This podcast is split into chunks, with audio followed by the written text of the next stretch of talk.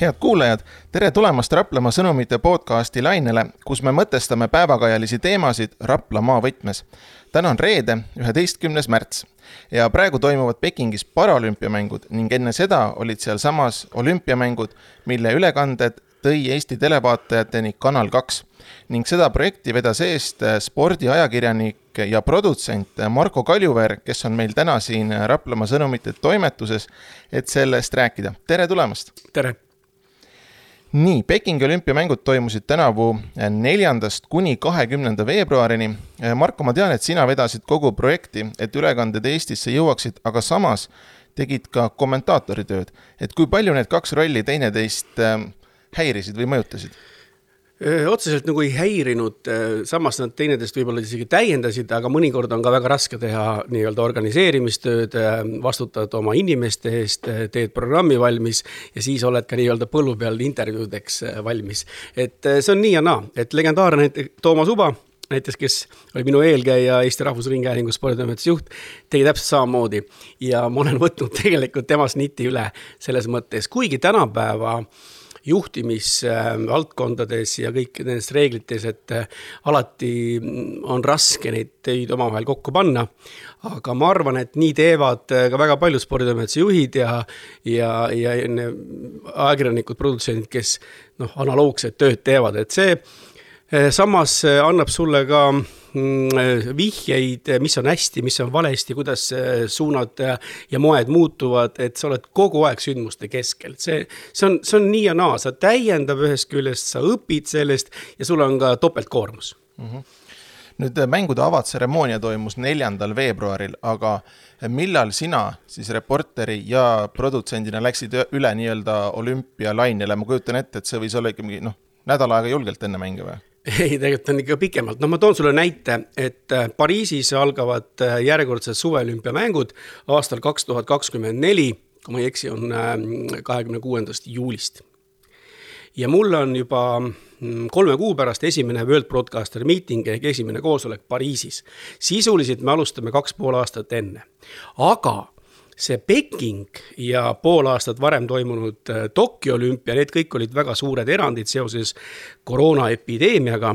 Äh, Tokyo olümpiat teatavasti lükati aasta võrra edasi ja taliolümpia oli siis kohe uksele koputamas, kui äh, Tokyo olümpia lõppes, nii et selles mõttes sa lõpetasid ühe olümpia ja sukeldusid kohe pea ees eh, teise olümpia tegemistesse, argiaskeldustesse, tellimustesse, kogu selle ettevalmistustöö tegemisse. et see oli natuke teistmoodi, aga sisuliselt on nii, et, et kaks aastat umbes, noh, kaks pool, ütleme, enne olümpiamängude mm. algust sa hakkad vaikselt juba ennast sellesse kurssi viima, kuigi mul esimene broadcaster meeting juba Pariisi koha pealt oli eelmise aasta novembris, kui me valmistasime ette Pekingi olümpiat Pariisis, eh, siis siis samamoodi vaatasime Pariisi olümpiaasju juba ette koos mm., koos siis nii-öelda Pekingi taliolümpiaga. ja ma mäletan, äh, kuskilt käis juba läbi Pariisi olümpia kohta ka, et äh, äkki avatseremoonia vist Sääni jõe peal või? just, ja on... Eiffeli torni nii-öelda all.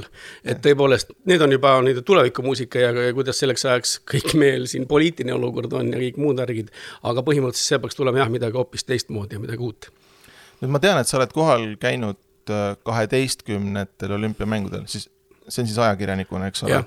mis nendest esimene oli? esimene oli tuhat üheksasada üheksakümmend kuus Atlanta olümpia. Atlanta, on sul mingeid meenutusi ka sealt, mäletad seda veel ma mäletan hirmsat vaeva ja valu selle olümpiaga, et suhteliselt raskelt tuli. et äh, jõudsime kõik sinna ja siis me elasime kuskil kaugel mitte üldse meediakülas, nagu me siin viimastel aegadel oleme olnud, vaid kuskil hotellis, Toomas Uba pani neid kinni ja siis sinna olümpiamängude need kergejõustikustaadionile, mäletan seda teekonda, kui raske see oli ja kuidas me otsisime ja, ja kuidagi rahvast oli palju ja siis tegelikult toimus olümpiapargis ka plahvatus tol hetkel. Äh, seal nii-öelda mingi väike terroriaktikene oli pisikene. Äh, aga, aga see on ka nagu meeles, et see, me just kuna see äh, olümpiapark jäi meie tee peale, siis ükskord tulime, vaatasime, et nii palju kuidagi teed oli kinni pandud, rahvast palju ja siis jõudis meieni, et, et üks plahvatus oli, nii et noh, ütleme tegelikult äh, Ameerika Ühendriikides peetud äh, suveolümpiamängud olid äh, väga paljudele hästi kehvaks kogemuseks, et kuidagi hästi halvasti organiseeritud. Ja see on see aasta, kus, kus tegelikult loodeti, et Ateena saab endale suveolümpia, sest tänapäeva olümpiamängud algasid tuhat kaheksasada üheksakümmend kuus ja siis oleks nagu sada aastat nii-öelda nendest moodsatest olümpiamängudest ja siis arvati, et Ateena saab. ja Ateena sai hoopis kaks tuhat neli. Mhm et äh, see, see noh, ütleme USA tegelikult lõi siis nagu rahadega, hästi palju rahastas seda erasektor, seda olümpiat. ja, ja see oli natuke nihuke pilla-palla ja, ja mul esimene olümpia ka ja hästi paljusid erinevaid alasid tuli kommenteerida, et, et oli raske, et sõna otseses mõttes oli keerukas ja hästi, ma mäletan, et hästi, hästi palju tunde oli vaja kommenteerida. kokku ETV tol hetkel näitas kakssada viiskümmend tundi ühe, ühe nii-öelda kanali raames raames, see on päris, päris suur ja võimas arv, aga noh, saime nagu hakkama. jah, äh, ma ise väga hästi ei mäleta Atlant-, Atlanta mänge, ma olin siis äkki kaheksa-aastane poiss, aga kuskilt ma lugesin, kas äkki Aleksander Tammert meenutas, et, et, et ta pidi seal kuskil tee ääres või põllu peal ketast täitma, et sooja teha või, või, trenni teha enne. jah, sest vaata, harjutusväljak on alati nagu see kuskil kõrval on ju, eks seal, eks seal võis olla tõesti see ja mis nagu vajutas ka pitser, oli see, et ega eestlastel nagu väga hästi ei läinud, me jäime medalita. et seal tegelikult oli Erki Nool oma kuuenda kohaga kümnevõistluses üks paremaid mm. -hmm ja hästi palju meil siis nagu ebaõnnestus, nii ütleme, kui meil oli seal põhilootus oli ju, kes meil seal oli, noh, Erika Salumäe näiteks tegi oma viimase olümpia seal, kui ma nüüd ei eksi, ja, ja, ja seal noh, tegelikult äh, meil ei läinud väga hästi, Indrek Pertelson kaotas esimeses ringis judos, oli, pidi nagu tema olümpia olema, et võtab sealt kullad ja ja kõik muud asjad, et seal läks meil noh, läks nii nagu läks. aga samas Erki Noole kuues koht oli kõva sõna. jah, nüüd äh, sportlane peab igal juhul olema olümpiamängudeks tippvormis, aga aga kuidas käib ajakirjaniku või spordiajakirjaniku olümpiaks äh, siis häälestamine või, või, või tippvormi sättimine või kuidas sa valmistud selleks? no täpselt samamoodi peab olema ka reporter, ajakirjanik, äh, kommentaator tippvormis, et tegelikult tema toob, tema vahendab neid sündmusi, neid, neid hetki, nii ülevaid kui ka kui ka nii-öelda ebaõnnestunud hetki, mis, mis, mis tuleb ka kindlasti sisse ja kaasa sellega. nii et tegelikult hakkad juba noh, ütleme, kui ülekannete alad jaotatakse varem ära reporterite vahel, et sina kommenteerid kergejõustikku, sina kommenteerid judot, vastavalt sellele, mis alad äh, me programmi paneme. me number üks eelistus on ikkagi see, et vaatad, äh, mis aladel eestlased kvalifitseeruvad olümpiamängudele ja siis võtad no olümpiamängude põhialad, mis mis suveolümpia puhul on kergejõustik ja, ja taliolümpia puhul on siin suusatamine ja laskesuusatamine ja need alad, need jaotad kõik ära ja siis, kui sa saad teada, et sa teed vot seda valdkonda, seda asja, noh, eks see käib ka selle järgi, millest sa rohkem oled nagu kodus ja, ja mida sa oled rohkem jälginud ja, ja mida, mille ala vastu sa tunned ka suuremat huvi, millega sul on suuremad teadmised, et siis hakkad tegelikult ennast kurssi viima, ega, ega läbi võistluste, läbi sündmuste, tänapäeval on see natuke kergem, sest uksest ja aknast tuleb neid võistlusi sisse, sa saad igast erinevate feed'ide järgi ja ülekannete noh, feed'ide järgi vaadata, jälgida võistlusi ja, ja, ja teha kokkuvõtteid ning, ning olla noh, kursis peensusteni isegi, seepärast et yeah., et sa pead tundma seda valdkonda, sa, sa, sa pead olema kodus, sest, sest seal võib juhtuda igast asju jah, aga kas enne mängu on, enne mängude algust on ka niisugune mingi ootusärevus või ootus sees, sest ma tean, et noh, ütleme, spordihuvilisel kindlasti on ootused, aga kas ajakirjanikul ka, sest noh, see kaks nädalat, see on ikkagi pingutus, on ju? jaa, ta on isegi noh, mõned päevad rohkem veel, muidugi ta on suur pingutus, sest tegelikult see logistika olümpiatel, erinevatel olümpiatel, vahet ei ole, kas on USA-s olümpia või Hiinas või, või ma ei tea, mis riigis, alati see logistika on raske, aga noh, minul on nagu see asi, et ma vastutan nii, nii tiimi eest, programmi eest kui ka siis oma töö eest. et need on erinevad, või need on suuremad koormused selles mõttes, alati mul on pinge peal loomulikult, et ega ei ole nii, et äh, noh, üks olümpia, oled käinud hea küll kaheteistkümnel või üheteistkümnel olümpial ja mõtled, et noh, et kõik on nii, aga alati iga olümpia on midagi uut, on ju. seal on uued inimesed, uus seltskond ja, ja, ja uus olukord alati.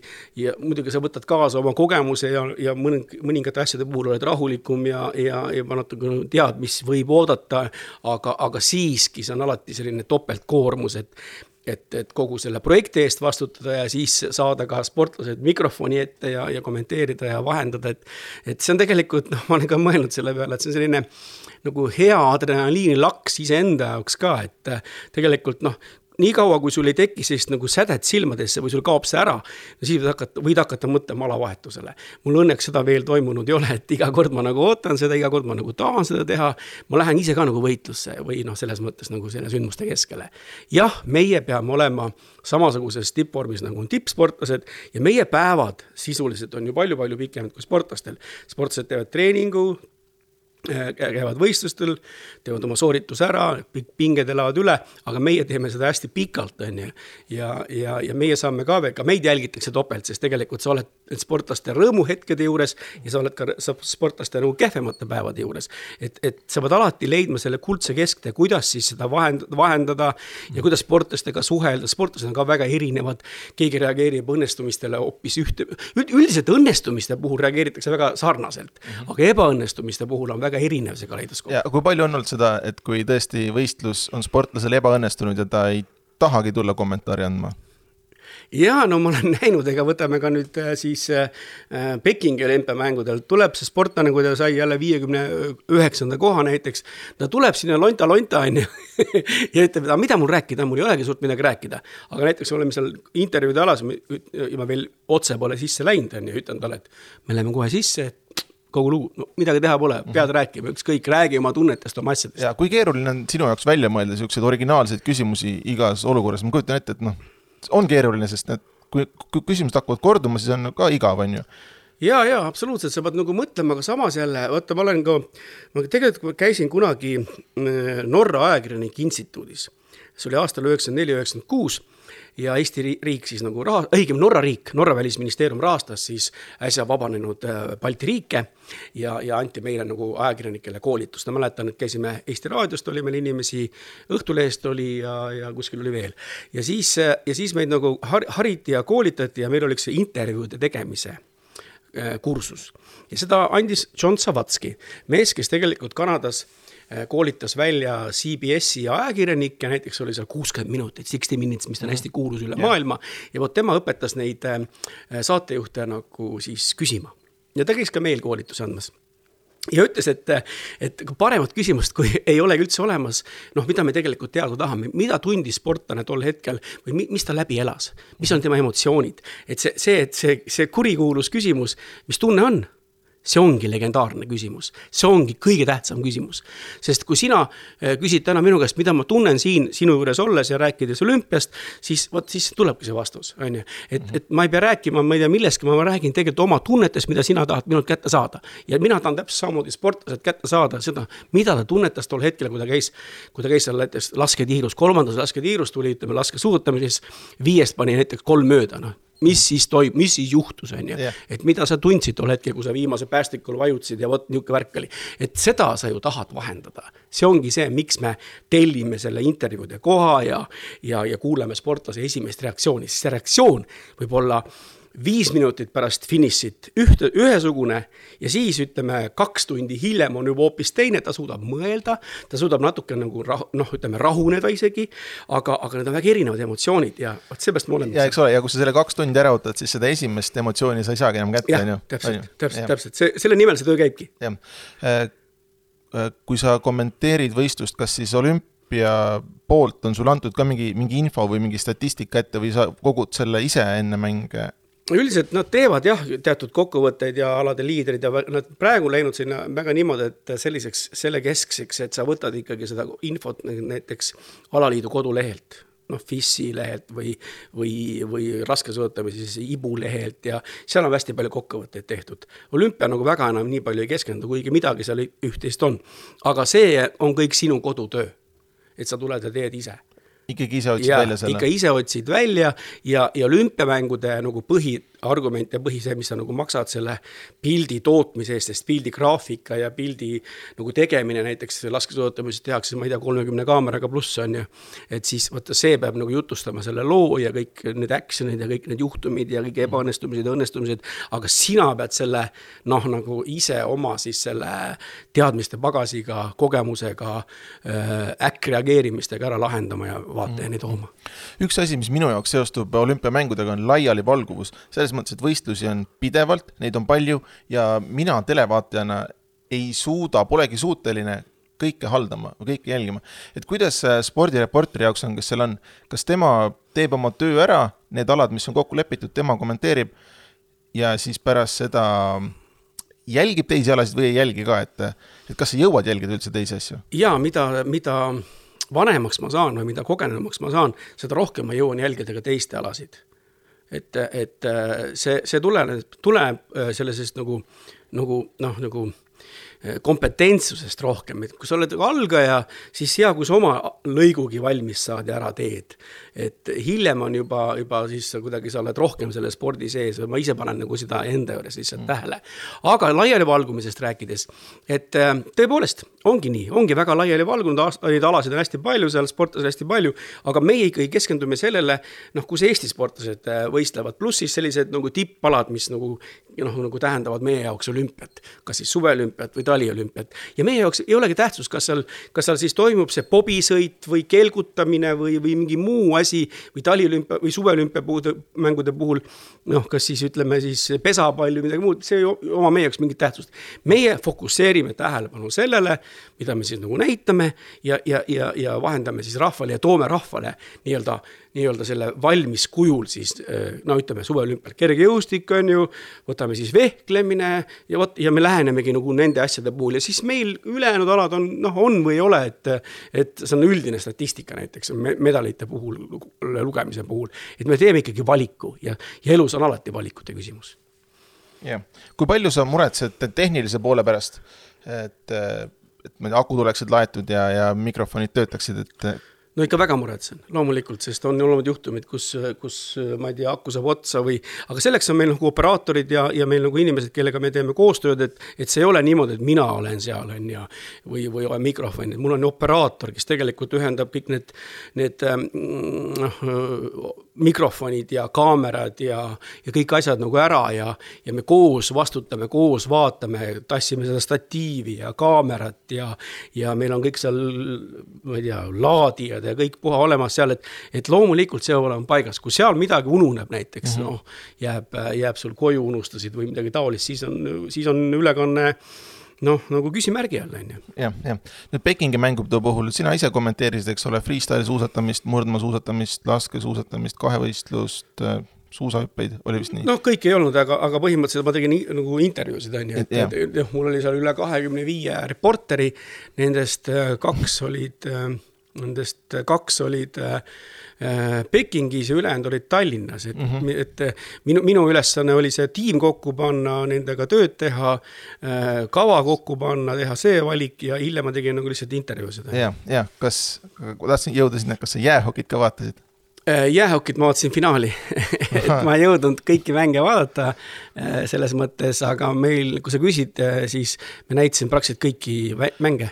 ja just sest et ma, ma mainisin seda laialivalguvust, on ju, et ma enda jaoks mõtlesin ka, et ma ei suuda kõiki olümpiat jälgida, siis ma tegingi selle valiku, et ma jälgin väga tähelepanelikult hokiturniiri Just. algusest lõpuni ja finaal ka, on ju, oli seda väärt. oli oli, see, see oli tõesti seda väärt, see finaal oli nii ilus. see vara, pühapäeva varahommikul ka veel ärkad üles, vaatad kohvitassi, võtad kõrvale ja siis vaatad, kuidas Soome paneb Venemaale ära, et see oli tõesti väga ilus mida veel, on ju. eks ole, täpselt. nüüd äh, minu jaoks huvitav tähelepanek on see, et viimased kolm olümpiamängu on toimunud kõik Ida-Aasias mm. -hmm. PyeongChang, siis äh, Tokyo ja nüüd Peking. et äh, kuidas äh,, kuidas sulle mõjub äh, ajavahe niisuguste, niisuguste asjade puhul, et tegelikult kui sa pead ju sinna reisima, eks ole, sul on ajavahe ja siis on ajavahe veel siin televaatajaga ja kõik niisugused asjad, kui palju see mõjutab? No mingil määral ikka mõjutab, aga vaata, kui sa tuled sinna, sõidad seal üheksa pluss tundi lennukiga Helsingi, Tallinnast Helsingist äh, Tokyosse või, või Pekingisse, nii, nagu meil sõit oli, siis jõuad sinna, seal on hommik, sa oled nagu vähe maganud, praktiliselt polegi maganud, lennukis istunud, söönud, vaadanud seal äh, neid filme, siis hopsti ühel hetkel oled sa äh, Aasias päev on alles koitmas, hakkad oma asju ajama, planeerima, saad kõik oma tellimused kätte, vaatad, kuidas inimesed on, kus on majutus, sa tegelikult päev otsa rahmeldad seal, oled väsinud ka. Ja siis, kui sa nagu hotellituppa lõpuks õhtul maabud, siis, siis jäädki magama ja, ja ärkad üles ja oledki juba tegelikult selles rütmis sees, sest siis sa oled fokusseeritud, sa oled juba tegelikult äh, nagu programmeeritud selle olümpia tegemise peale. ja see käib kiiresti see käib tegelikult üsna kähku, siis sul tekivad oma mured, oma noh, nagu mitte ainult mured, aga siiski nagu asjaajamist on hästi palju ja selle asjade nii-öelda probleemide lahendamist kogu aeg. ja mm -hmm. siis ühel hetkel, noh, tavaliselt on suveolümpiamängude puhul ma jõuan sinna oma tiimiga nädal aega varem, sest meil on alati risikeskus, kõik muud asjad valmis tehtud seal ja, ja nende, nende ülesseadmine, sättimine, mul tulevad insenerid kaasa, operaatorid, režissöörid ja sihuke suur tiim on ju. suve olümpiamängude puhul, kuna see on mahukam, taliolümpiamängude puhul alati nii, nii, nii suurt tiimi koha peal ei ole, lihtsalt ei ole vaja. ja aga ikkagi töö on ikkagi samasugune ja, ja siis oledki sees, aga tagasi tulles on võib-olla isegi raskem, et siis on mm. pingemaandus mm, -hmm. siis on kõik tehtud, siis on kõik, kõik medalid kätte saadud või ei ole saadud, siis on mingi muu jutt juba ja, ja siis natuke käib selline eh, noh, nagu oma aega, Eesti aega tagasisaamine nagu võtab rohkem aega mm. -hmm. ma kujutan ette, et Eesti sportlased on valmis intervjuusid andma, aga kui palju sa oled olümpiamängude käigus intervjueerinud välismaa sportlasi, kui, kui valmis on nemad Eesti reporteritega rääkima? vabalt, ei ole küsimust, kui nad vähegi aega on, tulevad, sa pead ootama need ära. ei olnud mingit küsimust saada olümpiavõitjatelt, medaliomanikelt mingit intervjuud Kirillekov, ma ei tea, Pööd, kellega tahad, tegelikult see ei ole selles mõttes, oota ära oma, oma aeg. Nad üldiselt räägivad väga hästi, ei ole üldse küsimust, et nad ei anna, oled väiksest Eestist, ei ole üldse küsimus. Usain Bolt Usain Bolti mina vist ei ole teinud, aga Anu Säärits näiteks ETV-s, kui me seal eh, maailmameistrivõistlustel või olümpia Pekingis. ega Peking oli mul teine olümpia ju, kaks tuhat kaheksa oli esimene suveolümpia ja nüüd taliolümpia. Usain Bolti käest mina vist ei ole nagu saanud jah, et, et vist Anu tegi seal nii omal ajal, aga, aga ei, ma arvan, et, et vaata, Usain Bolt on natuke ka see, et ta on nii suur superstaar, et ta tuleb lihtsalt, aga samas ta annab selle intervjuu, ta ei pruugi üldse pikalt äh, rääkida, aga, aga ta räägib, kuigi on olemas ka näiteks äh, Tokyo olümpiamängude puhul oli meil siin Pjotor Malachowski, selline kettaheitja Poolast äh, Äh, Gerd Kanteri konkurent ja hiljem Gerd Kanteri õpilane Pekingi äh, Tokyo olümpiamängude ajal. ja tema ebaõnnestus, ta näiteks kvalifikatsioonist edasi ei saanud ja ma mäletan, kui ta sealt tuli intervjuude alast läbi, kellelegi intekat ei andnud, aga kuna mina olin koos Erki Noolega mm, -hmm. võtsin Erki just kaasa sellepärast, et, et ta lihtsalt vahendaks oma mõtteid ja oma kommentaare annaks äh, vahetult kergejõustikule. nii kui Malahovski Erkit nägi, oo Erki on ju, Erki ütles, kuule, ma tahan intervjuud teha, no okei okay,, no ma sulle ära öelda ei saa, nii et noh, et tuli ja andis ja rääkis, on ju, et noh, on igasuguseid näiteid. mis keeles te rääkisite? Äh, nad rääkisid vist inglise keeles, kui ma ei eksi. Jah, jah mm -hmm.. siis äh,, aga mis oli Pekingi mängude puhul kõige emotsionaalsem hetk sinu jaoks?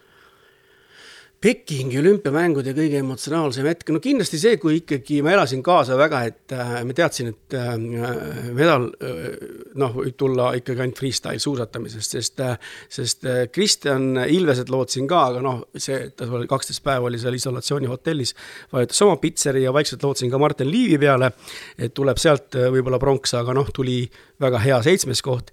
nii et äh, jäi siis üle ainult äh, freestyle ja Kelly Sildaru, vot siis ma nagu küll ikkagi, ma ikkagi väga lootsin ja ootasin, et sealt tuleb midagi, noh, tuli ka, on ju, pronks mhm. tuli ja me jäime, noh, ma lootsin ka tuleb teine pronks kas või, või medal, aga, aga tuli neljas koht, et siis vaata, need olid sellised, kus ma ikkagi teadsin, et, et kui me siit medalit ei saa, siis, siis on kehvasti lood et me mm., et ikkagi tore on, kui väike Eesti saab äh, medali, et siin ma nagu elasin seda väga, väga nagu üle ja lõpuks, lõpuks tuli ja, ja, ja, ja Kelly Sildaru väga hästi räägib, väga hästi väljendas ennast ja, ja tema üks suuremaid konkurente oli seal Ailen Gu, hiinlanna tegelikult ameeriklane mm., Californias sündinud, üles kasvanud, äh, Hiinat esindav Aileen Gu oli superstaar Hiinas, et temaga sai ka räägitud ja hästi selline äh, noh, nagu ameerikalikult vaba ja, ja hea suhtlemisstiiliga.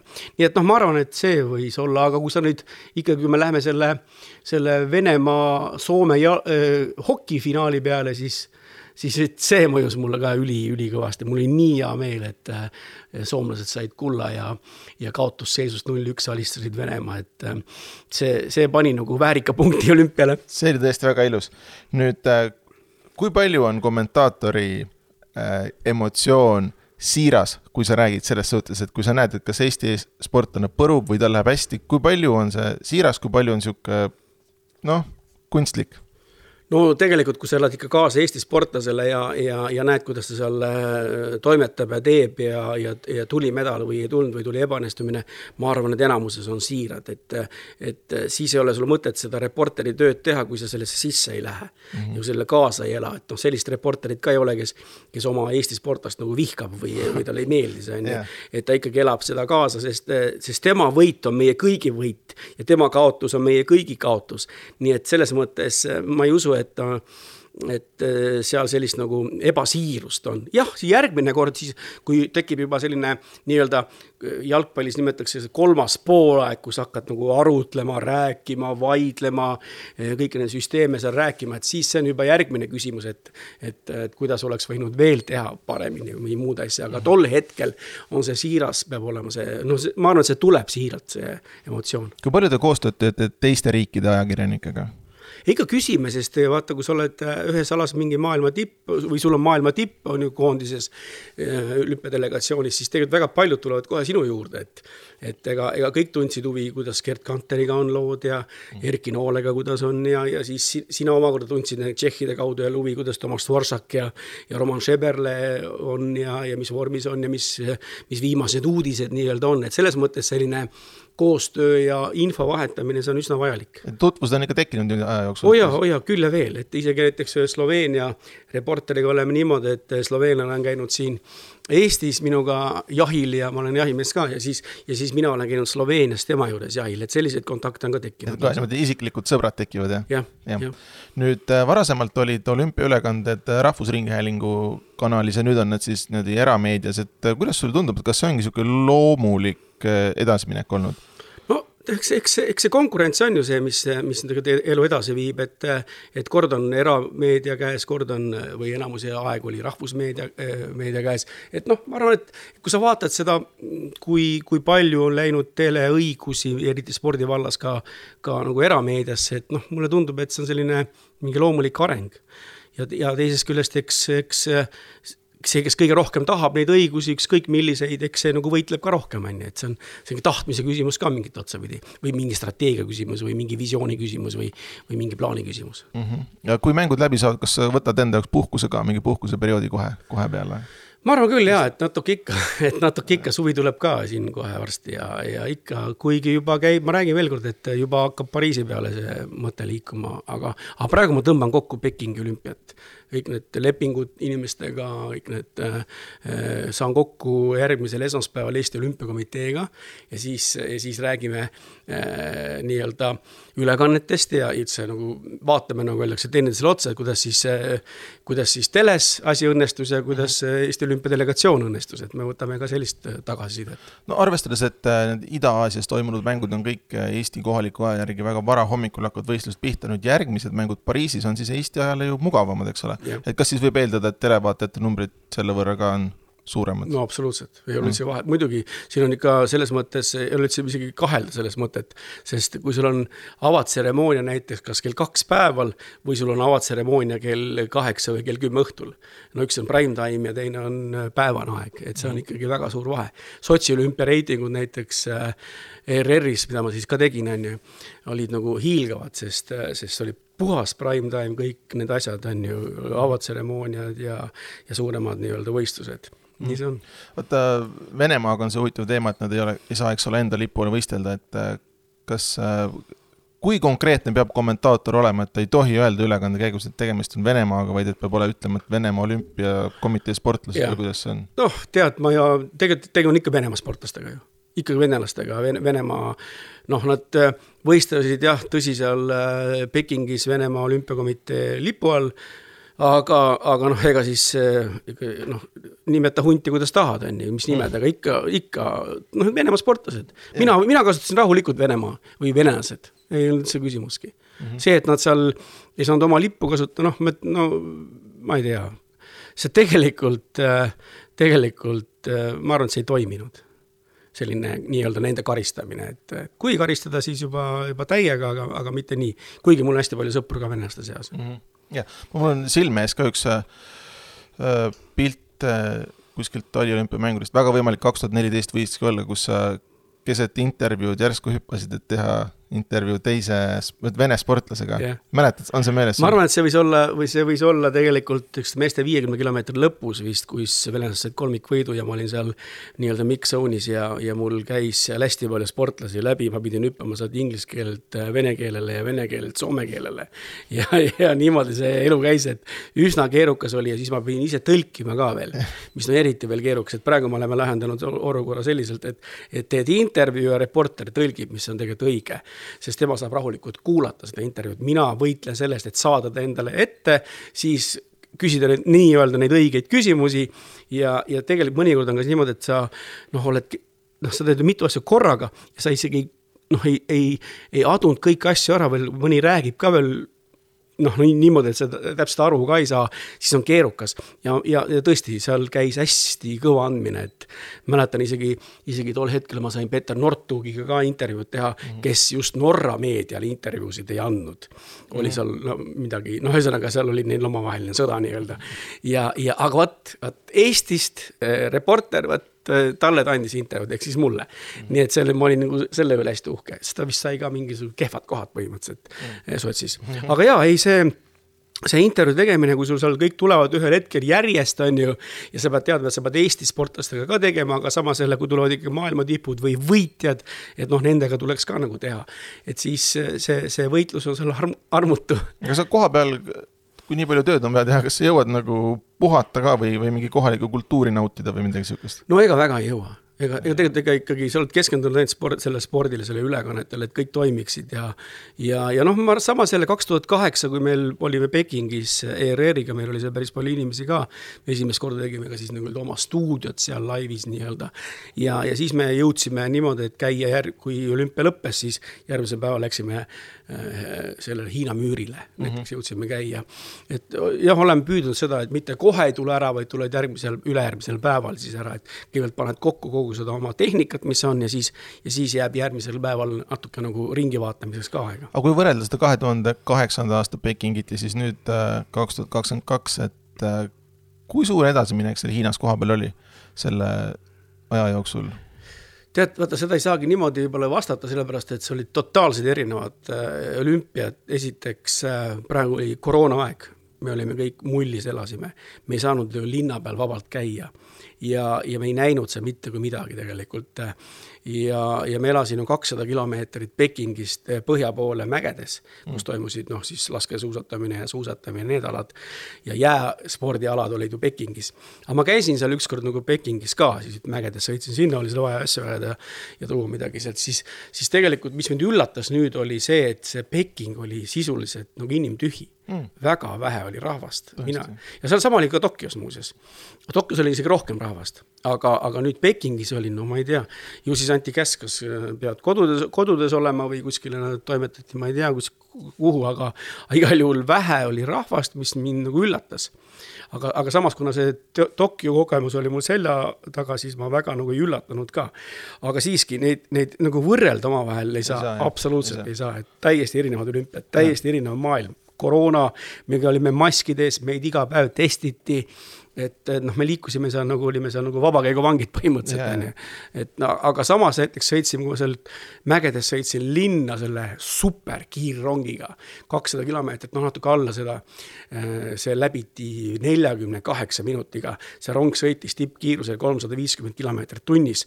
noh, mis iganes, see oli nagu, see oli nagu, see oli nagu ulme on ju, mugavused, kõik nägid telekast, vaatasin, ma vaatasin samal ajal meeste iluuisutamise üksiksõidu nagu lõpp, lõppesinejaid seal mm. -hmm., medalisaajaid nii-öelda. täiesti nagu fenomenaalne, et noh, kui palju sa koroonat kartsid? ei kartnud üldse. Ma ei tea, miks, et vot ma ei mõtle selle peale, et, et äh, jah, seal oli väga, noh, seal oli väikseid neid juhtumeid, aga mitte nagu väga palju, seal isegi mul üks pilt ka, kus, kus äh, meie meediakülas nii-öelda üks äh, ajakirjanik haigestus, oli positiivne ja siis tema see uks, hotellitoa uks kleebiti kinni, on ju, ja kõik ja puha, et see oli nagu kurb, õudne vaatepilt, on ju. aga ma väga nagu ei tõmmelnud selle pärast, tundsin ennast väga hästi ma lihtsalt, ma mõtlen seda, et kui näiteks mõni operaator või keegi jääb haigeks, siis ju kogu ah,. selles mõttes. plaan lendab ju hetkega vastu taevast. jaa, see oli küll, see oli suur kartus tegelikult. E, e, selles mõttes kartus, et keegi võib haigeks jääda nii-öelda meie tiimis, kes on kohapeal, see oli suur ja üldse, et me saaksime ära. et me saaksime Tallinnast minema, sest see Omrikoni tüvi hakkas levima tol hetkel jaanuari lõpus. ja, ja näiteks noh, Margus Ubal oli ka, tal neli last ja, ja üks lastest just haigestus koroonasse vahetult enne ärasõitu. ja siis ta ütles ka, et no kuule, see on ime, kui ma nagu noh, terveks jään, on ju, et, et kui ma ei nakatu.